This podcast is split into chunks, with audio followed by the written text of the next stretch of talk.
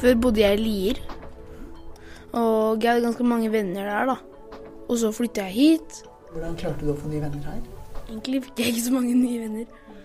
Jeg fikk egentlig én, og så i fjerde fikk jeg to. Å være ny i klassen kan være skummelt. Ikke bare må du prøve å passe inn, i tillegg er det ingen som kjenner deg og vet hvordan du er fra før. Etter sommeren kommer mange til å begynne i ny klasse, enten fordi de har flyttet til et nytt sted, eller fordi de skal begynne på ungdomsskolen. I denne episoden av Juniorrådet skal vi bl.a. snakke med en gutt som har flyttet mer enn seks ganger. Vi vil også gi deg tips til hva man kan gjøre for at det skal bli mindre skummelt. Nå må vi åpne vinduet, det er så varmt. Har dere opplevd å være ny i klassen før? Ja, veldig mange ganger. Jeg tror jeg bytta klasser sånn kanskje seks ganger på barneskolen. Og eh, to-tre ganger i barnehagen. Ja, jeg har bodd i Nord-Norge. Oslo, et annet plass i Nord-Norge og mange andre småbyer der, da. Og Iran. Jeg vokste opp i Norge, men så flyttet vi til Iran, og så var jeg der i tre-fire år, og så kom jeg tilbake. Iran er et land som ligger i Asia, ved siden av bl.a. Pakistan og Afghanistan. Hva var den største forskjellen da, synes du, mellom Iran og Iran? I skolene i Iran Jeg gikk ikke på skole der, da, men da har man på en måte Da er det sånne store murvegger ved siden av, og det er jenteskole og gutteskole, så det er veldig annerledes. Og jeg føler meg tryggere her i Norge. Hva var utrygt i Iran? Du kan liksom ikke gå alene i gata. Det er mange ting som skjer. Masse også På en måte Han som bestemmer i landet vårt, han bestemmer liksom alt. Du må gå med hijab. Du kan ikke vise uh, bena dine, f.eks. Og så i id og ramadan, da må man faste. Id er en fest muslimer har etter en måned med ramadan. Og ramadan er den måneden muslimer faster, og da spiser de ikke mat mellom soloppgang og solnedgang. Hvis du gjør det flere ganger og er voksen, da kan man bli tatt i fengsel i to-tre dager. Hva hvis man ikke er muslim? Da må man fortsatt følge reglene. Det er det som jeg syns er ganske dårlig. Etter det flyttet familien tilbake til Norge. Pappa tenkte på fremtiden min da, og det er mye bedre å vokse opp i Norge enn Iran. På starten var jeg litt redd for hva folk kom til å synes om meg, men etter hvert så gikk det fint. Men Hvordan var det første gang du var ny i en klasse? Det var greit, da. Den klassen var veldig fin. Men uh, folk mobba bitte litt, men etter hvert så gikk det ganske bra. Hvordan mobba de da?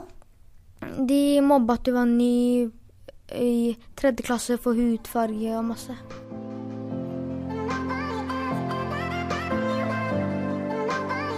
Vi kjente ikke hverandre, og så plutselig så fant vi ut at vi hadde ganske mange ting til felles, og så ble vi venner. Hvor lang tid tok det? Kanskje to uker.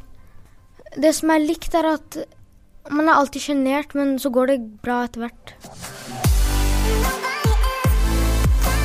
Du har også bodd i Spania. Ja. ja. Fortell om hele situasjonen der. Eh, jeg var jo litt sånn redd, på en måte, siden det var liksom Det var helt nytt, jeg hadde jo ingen venner der. Og så var det jo fordi der så starter man jo når man er tre år. Så starter man på skolen i Spania. Så det var veldig tidlig. Men da var jeg fem år, så da i friminuttene så hadde jeg med sånn tegneblokk bare. Så satt jeg i en krok, og så ville de leke med meg. Men jeg ante jo ikke hva de sa. Men det var litt rart å liksom plutselig ikke ha noen venner å leke med. Så de spurte jo liksom noen ganger om jeg ville være med. Men jeg var for sjenert til å liksom bli med da, siden jeg kunne jo ikke språket.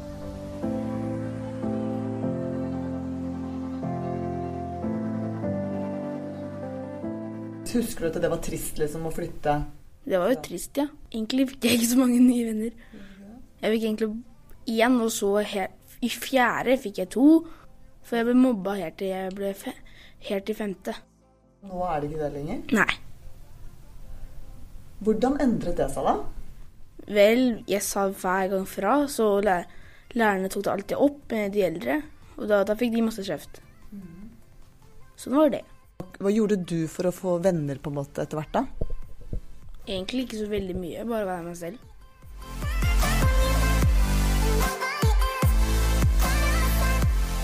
Helsebroren, hvorfor kan det være skummelt å være helt ny i en klasse eller en gruppe? Og det er jo skummelt fordi at du vet ikke hva som er forventet av deg. Du vet ikke hva og hvordan kulturen i klassen er. Du kan liksom ikke den sosiale koden, hvis du skal kalle det det. Hva mener du med kultur? Det er liksom hva, eh, hva kan man le av, hva, kan man, hva skal man reagere på, hva, hvilke fotballag heier folk på, hva gamer man, hvem, hvem, er den søte gutten i klassen, hvem er den søte jenten i klassen. Man vet ikke disse tingene. Det er jo ikke bare skummelt for barn, det kan være skummelt for voksne òg. Kan det det? Ja, sånn begynne på en ny jobb, f.eks. Du kjenner ingen, og du vet ikke helt uh, Igjen, du kjenner ikke kulturen. Ukjent korona. Jeg tenkte at vi snakket om sex. Hva skal dere i sommerferien? Sommerferie. Skal, jeg skal være hjemme nå. Eller jeg skal være i Norge. Hvordan blir man kjent når man er helt ny og alle andre kjenner hverandre? Man kan jo gå bort og spørre om å bli med. Og så kan du snakke med den personen du syns er snill, da, før, før dere leker. Og så kan han på en måte ta deg med i leken. Og så kan dere spille sammen og bli kjent med andre mennesker. Jeg tenker egentlig at man må jo på en måte prøve seg fram, for det er jo ikke alltid man liksom på første forsøk finner den som er snill. Men jeg pleier å, hvis jeg liksom er litt ny, så er ikke jeg sånn som liksom går bort og spør liksom Hei. jeg er mer sånn venter til liksom kanskje noen kommer bort til meg og spør om noe, men hvis ikke så er det jo liksom hvis noen spiller en sånn fellesaktivitet, fotball eller kanonball eller stikkball eller noe sånt, så kan du liksom bare spørre om å være med, og da er det mye enklere å være med enn hvis det liksom bare er to stykker som leker nå, og så skal de komme bort.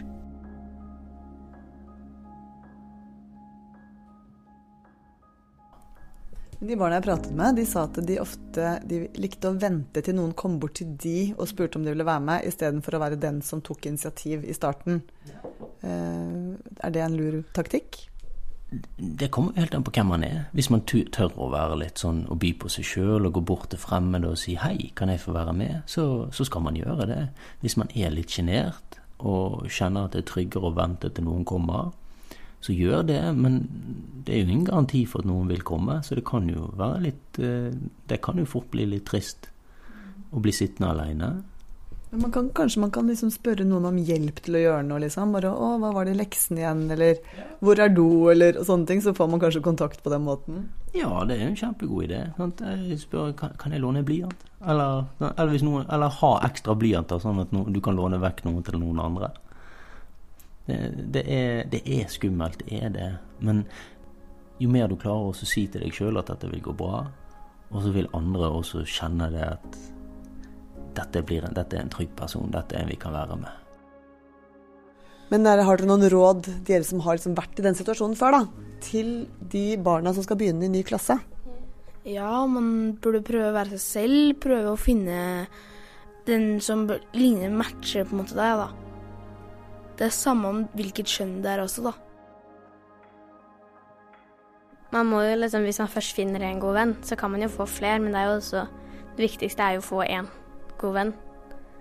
Og så er det jo Man må jo ikke være helt like, på en måte. Man må jo liksom bare ha det gøy sammen, på en måte. Det er det viktigste, at du føler at dere har det fint sammen. Man må ikke være med på alle sosiale medier, men det kan jo være fint å liksom bli med på ting og være litt kjent med hva er det de pleier å gjøre, og prøve å liksom bli med hvis de spiller fotball eller noe sånt, da.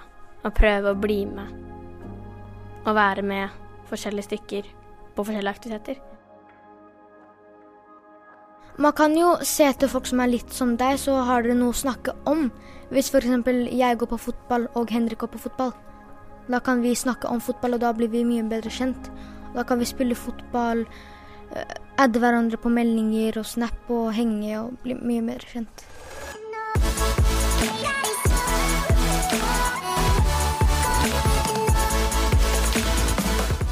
Du har nettopp hørt en episode av Juniorrådets sommersesong.